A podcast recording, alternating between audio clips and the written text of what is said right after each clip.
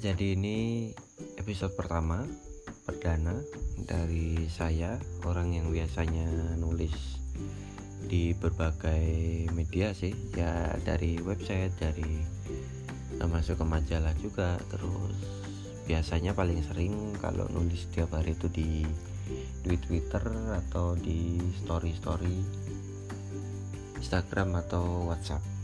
Ini untuk dalam rangka berbagi pengetahuan sih jadi saya kan orang yang suka baca.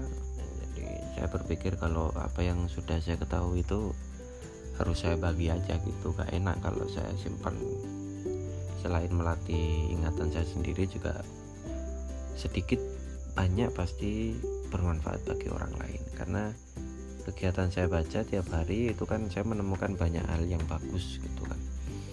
Nah di episode pertama ini saya ingin bahas tentang orang-orang yang kesulitan memahami teks.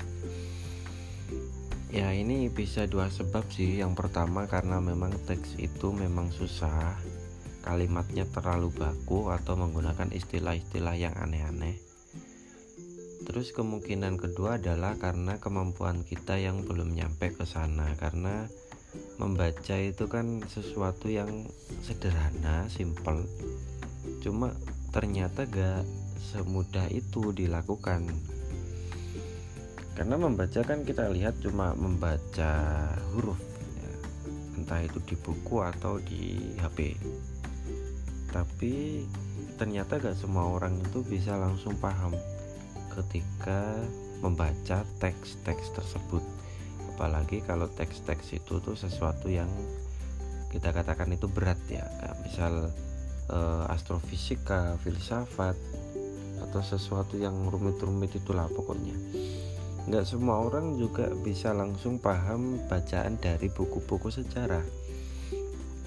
Tapi kok kita itu nggak ada masalah sama sekali dengan uh, bu apa ya bacaan-bacaan yang dari cat teman kita sendiri chat-chat atau yang ada yang disampaikan di Instagram di feednya misal itu kan mudah kita pahami ya. Kenapa kita seperti itu? Karena ya tadi dua kemungkinan.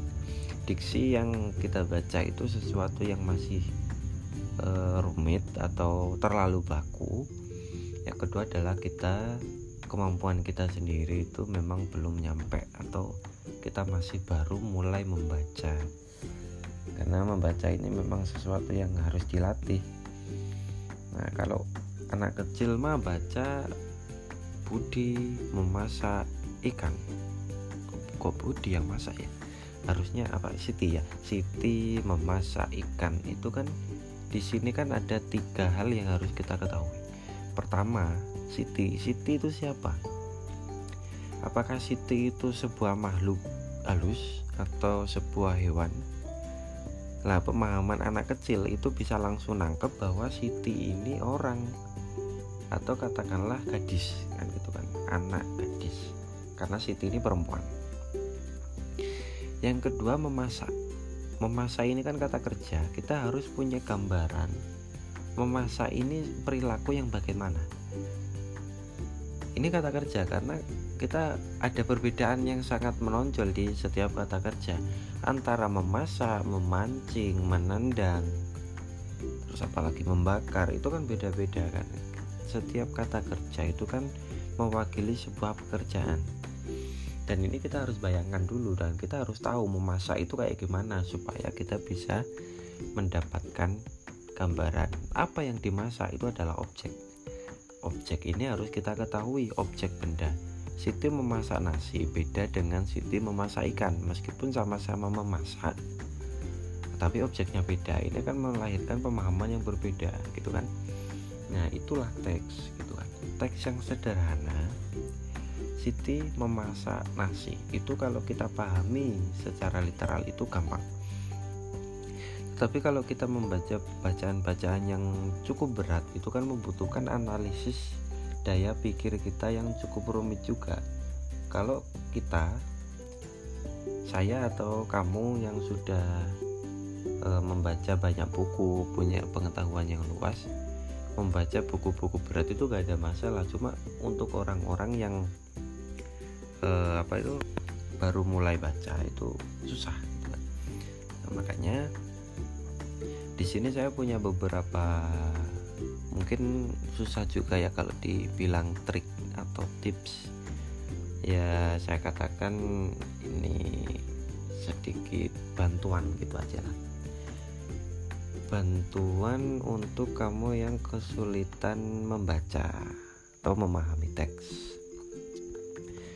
Kita mulai dari sesuatu yang paling dasar yaitu kita harus memulai dari bawah. Itu memang memang mutlak ya semuanya itu harus mulai dari bawah. Kalau kita itu mau ingin jadi apa?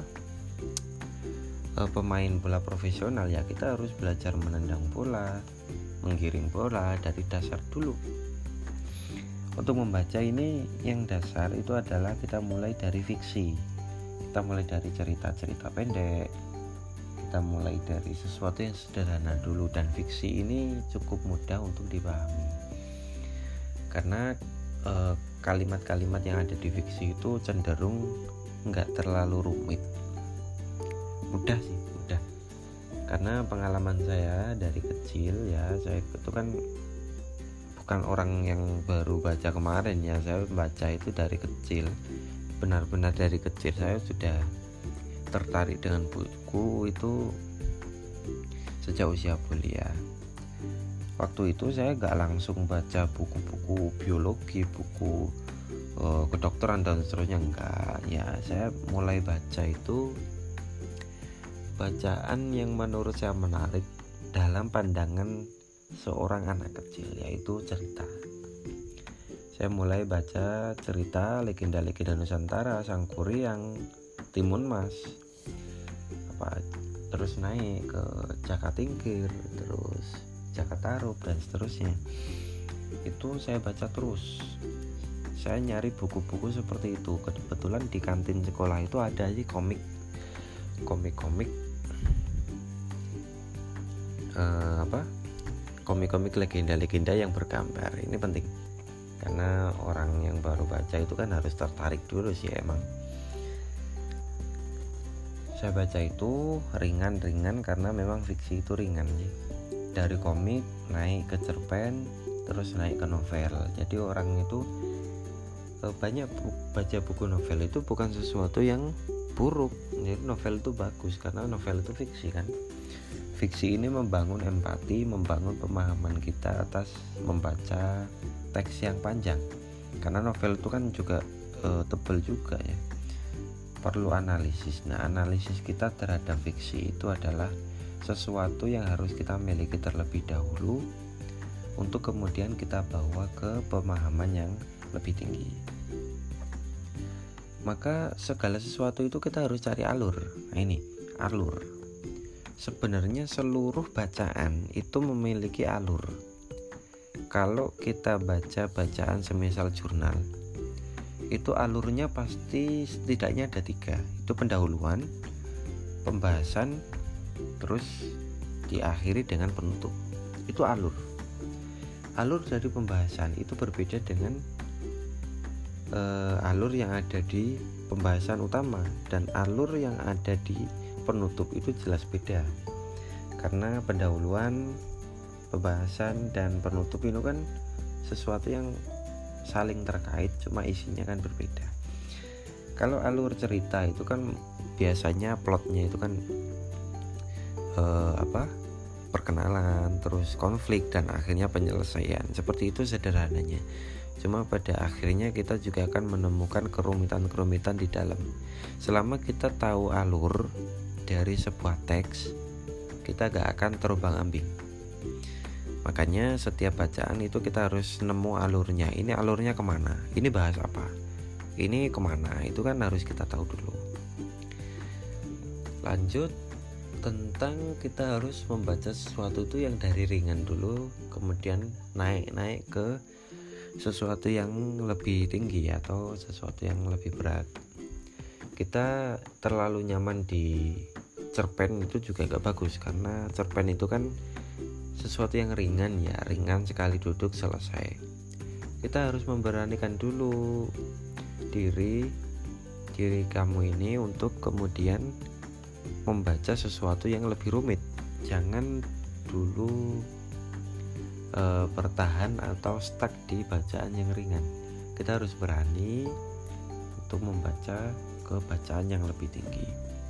Nah, supaya bacaan yang lebih tinggi ini paham ya kita harus memulainya dari dasar. Nah itu tadi saya bilang kita mulai dari fiksi. Cuma ya tadi kita harus sadar bahwa kebutuhan kita itu tidak terpenuhi hanya dari fiksi.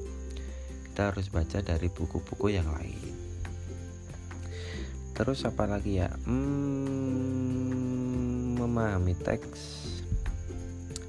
Jadi begini teks itu kan membawa sesuatu yang kita sebut sebagai konteks. Misal ya, ia melihat barang-barangnya berantakan di atas kasurnya. Ini teks. Saya ulangi. Ia melihat barang-barangnya berantakan di atas kasurnya. Ini teks. Kok tadi saya bilang lagi, ulang lagi. Nah, konteksnya apa? Gitu kan. Ini konteks yang mudah karena konteks di sini adalah seseorang melihat sesuatu yang berantakan di sebuah ruangan yang di situ ada kasur. Kan begitu kan? Nah, cuma kalau kita naikkan konteks itu bisa kita pahami dari teks yang terbatas. Contoh contohnya begini ini saya tulis begini Orang yang mudah menangis cenderung memiliki kesehatan mental yang lebih baik dari mereka yang lebih memilih menahan tangisannya. Menangis dapat melepaskan beban psikis seorang sehingga menimbulkan perasaan lega setelah tangisannya reda. Sebaliknya, orang yang menahan tangisan dan memilih untuk memendam perasaan yang dirasakan lebih berpeluang untuk mengalami gangguan kesehatan mental ini gaya bahasa buku kesehatannya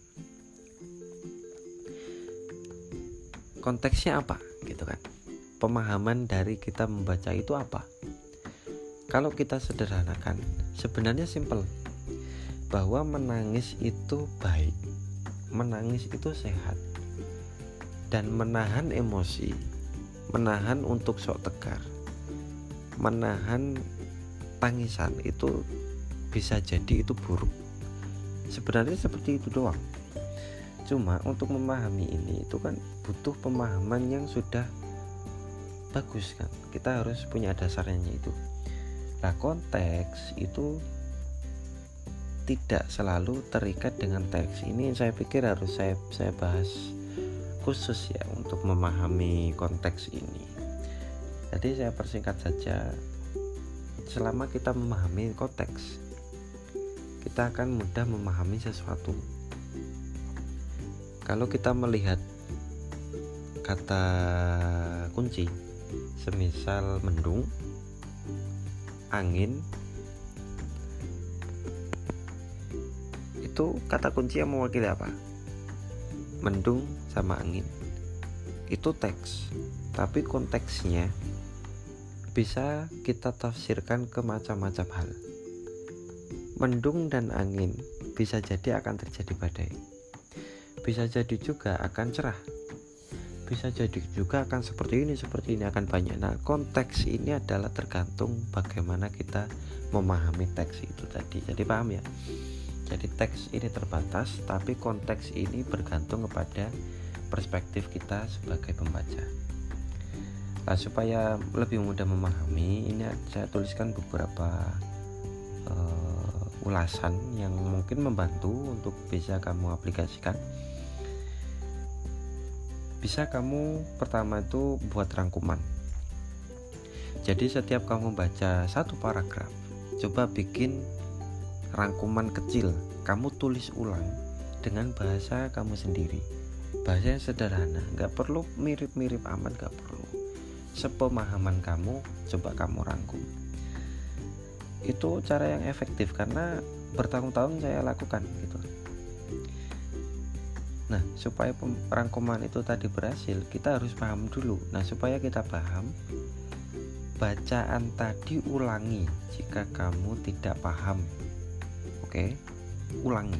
Jangan manja. Jangan pengen instan, jangan pengen cepat. Karena memang proses, ini proses. Kalau kamu sudah biasa, kamu bisa pada akhirnya memiliki kemampuan membaca sekali paham. Cuma jika kamu masih di dasar, kamu harus rela meluangkan waktu dan tenaga untuk mengulang.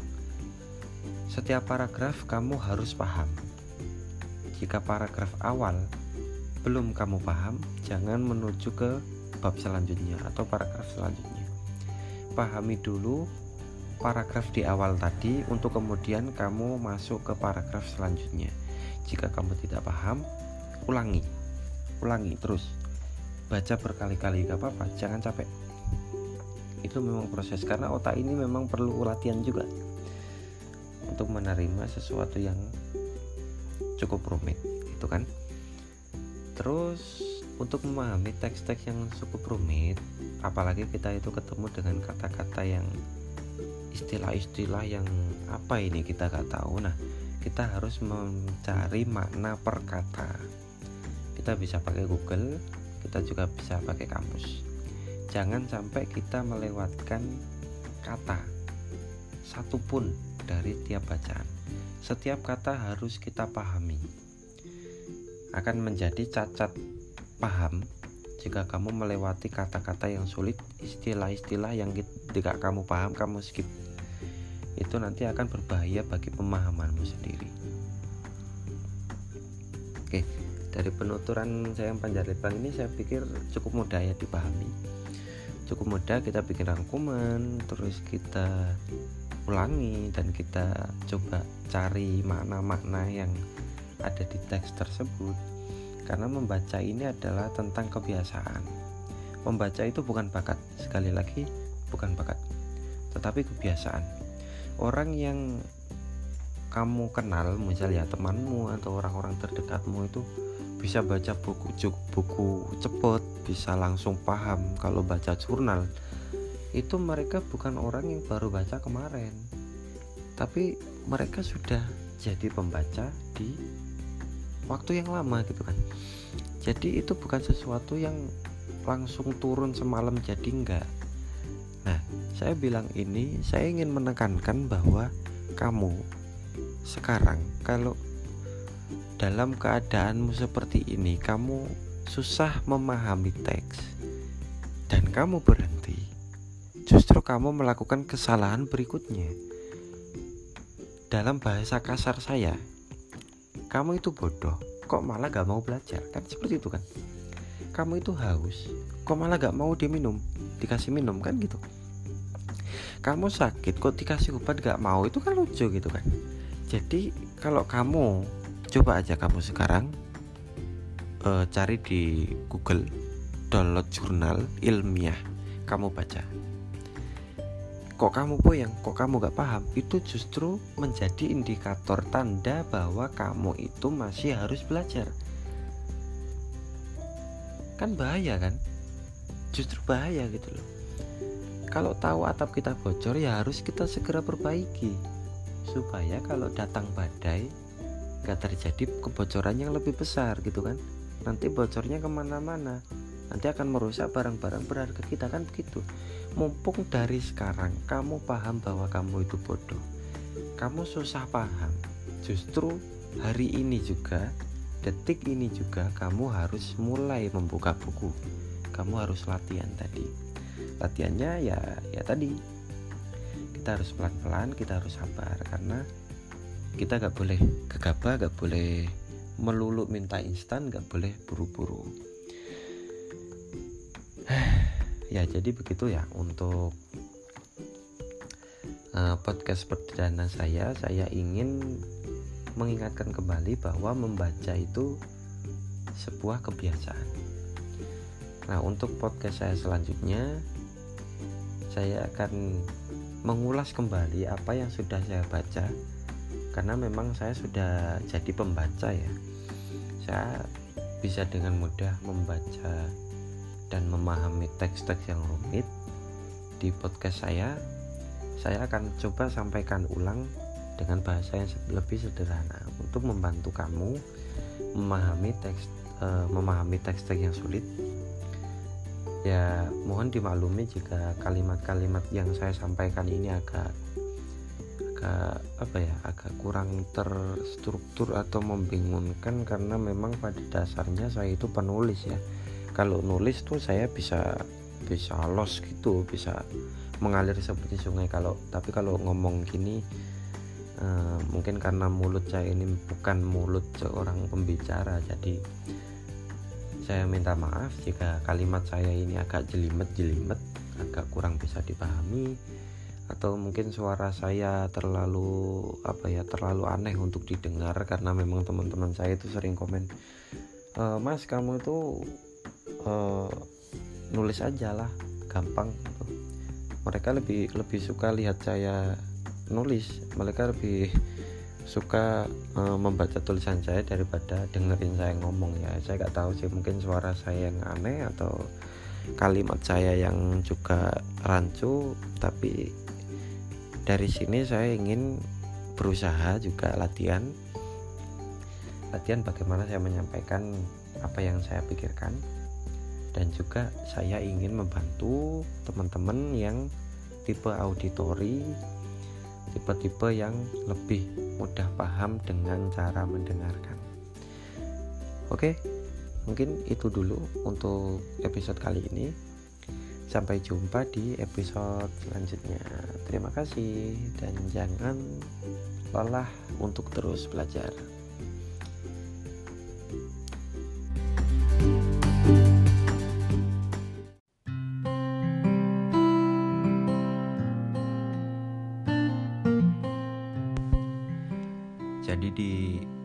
Beberapa episode sebelumnya kita telah membahas tentang Ibnu Khaldun. Sekarang kita lanjut ke ilmuwan muslim terkemuka zaman pertengahan yang wajib dibahas ketika kita membahas ilmu pengetahuan dalam dunia Islam atau ilmu pengetahuan secara umum yaitu dalam pembahasan filsafat karena beliau ini punya julukan guru kedua setelah Aristoteles jadi nama beliau ini pasti muncul ketika kita membahas mengenai filsafat, terutama filsafat Islam. Dialah Al-Farabi. Lahir pada tahun 259 Hijriah atau 872 Masehi di kota kecil bernama Wasi, distrik Faruk, dekat Sungai Jaihun di Turki sana ya. Jadi kita memang terkenal bahwa ya Turki itu memang negeri yang banyak menghasilkan ilmuwan dan salah satunya adalah Al-Farabi tapi Al-Farabi ini kemudian tumbuh besar di Baghdad lalu hijrah di Mesir, Syam dan seterusnya yang nanti akan kita bahas mengenai kehidupannya secara lebih mendetail Cuma sekarang kita fokus ke biografinya terlebih dahulu. Jadi tadi kita sudah mengetahui bahwa Al-Farabi lahir di Turki. Nah, gitu kan. Apa yang menarik pada diri Al-Farabi tadi di awal sudah saya sampaikan bahwa Al-Farabi ini dijuluki sebagai guru kedua karena pada masanya Al-Farabi filsafat Islam naik pada era keemasannya. Jadi bukan main, memang kontribusi Al-Farabi ini selain menghidupkan filsafat Islam juga membuatnya mencapai puncak keemasannya. Yang nanti akan kita bahas bagaimana kemudian filsafat Islam ini kemudian eh, menurun-menurun dan kemudian di dihidupkan lagi oleh ilmuwan muslim yang lainnya seperti Ibnu Rus dan seterusnya. Tetapi wajib kita bahas Al-Farabi, wajib kita sebut namanya ketika kita membahas tentang filsafat Islam karena di tangan beliau filsafat ini mencapai era keemasannya. Karena memang sebagaimana kehidupan ilmuwan di seluruh dunia pada berbagai masa, Alfarabi ini kehidupannya memang diabdikan penuh pada dunia ilmu pengetahuan. Bahkan konon dikatakan Alfarabi ini menguasai 70 bahasa. Yang tentu saja beliau juga menguasai berbagai disiplin ilmu seperti politik, etika, logika, matematika, kedokteran, dan tentu saja ilmu agama. Jadi memang Alfarabi ini menarik sekali untuk kita bedah apalagi nanti di episode selanjutnya akan coba saya bedah beberapa pemikirannya yang menarik untuk kita telah bersama. Nah, Alfarabi ini kalau di Eropa dikenal dengan nama Alfarabius. Jadi sebagaimana Ibnu Sina dikenal dengan Averroes, ya. Uh, Avicenna ya mohon maaf. Uh, Ibnu Sina dikenal dengan Avicenna Ibnu Rus dikenal dengan Averroes ya. Kalau Ibnu uh, Al-Farabi ini dikenal dengan nama Al-Farabius. Dan ia pun mendapat gelar filsuf muslim sejati ya karena saking hebatnya beliau memberikan pencerahan mengenai filsafat yang sempat dituduh sebagai ilmu yang haram di dunia Islam. Dan salah satu teorinya yang ganjil itu adalah nafs kuliah. Nanti akan kita bahas secara detail di episode selanjutnya saja biar lebih mengena gitu ya, biar lebih luas gitu. Di antara karyanya yang penting adalah karya yang berjudul Aro al Madinah Al-Fadilah yaitu karya yang menguraikan tentang Madinah secara lebih detail yaitu eh, salah satu dalam isi pembahasannya adalah kota utama memerlukan hukum-hukum kenabian. Nah, ini membuat sebuah pencerahan kenapa Madinah ini penting dalam dunia Islam. Di antaranya nanti kita bisa membahas mengenai Imam Malik sang pendiri mazhab Maliki kenapa Imam Malik itu begitu kukuh mempertahankan teori teori-teori fikihnya berdasarkan konteks dalam masyarakat Madinah. Nah, di sini bisa kita tarik korelasinya dalam karya Al-Farabi yang berjudul Aro al-Madinah Al-Fadilah. Selain itu, eh, banyak sekali karya-karya Al-Farabi baik dalam bahasa Arab maupun Latin. Di antaranya Aghrot Al-Kitab Mabada at-Talabah Al-Jamul Bayan Ar-Royal Al-Hakimain Uyun Al-Masail dan sebagainya. Ada banyak sekali yang bi tidak bisa kita sebutkan satu persatu. Karena memang Al-Farabi ini memang ya ilmuwan sejati seorang jenius dan karena kejeniusannya itu bisa memberikan banyak sekali kontribusi pada dunia keilmuan khususnya pada dunia Islam dan kepada dunia keilmuan dunia eh, apa ya dunia barat juga merasakan kontribusinya.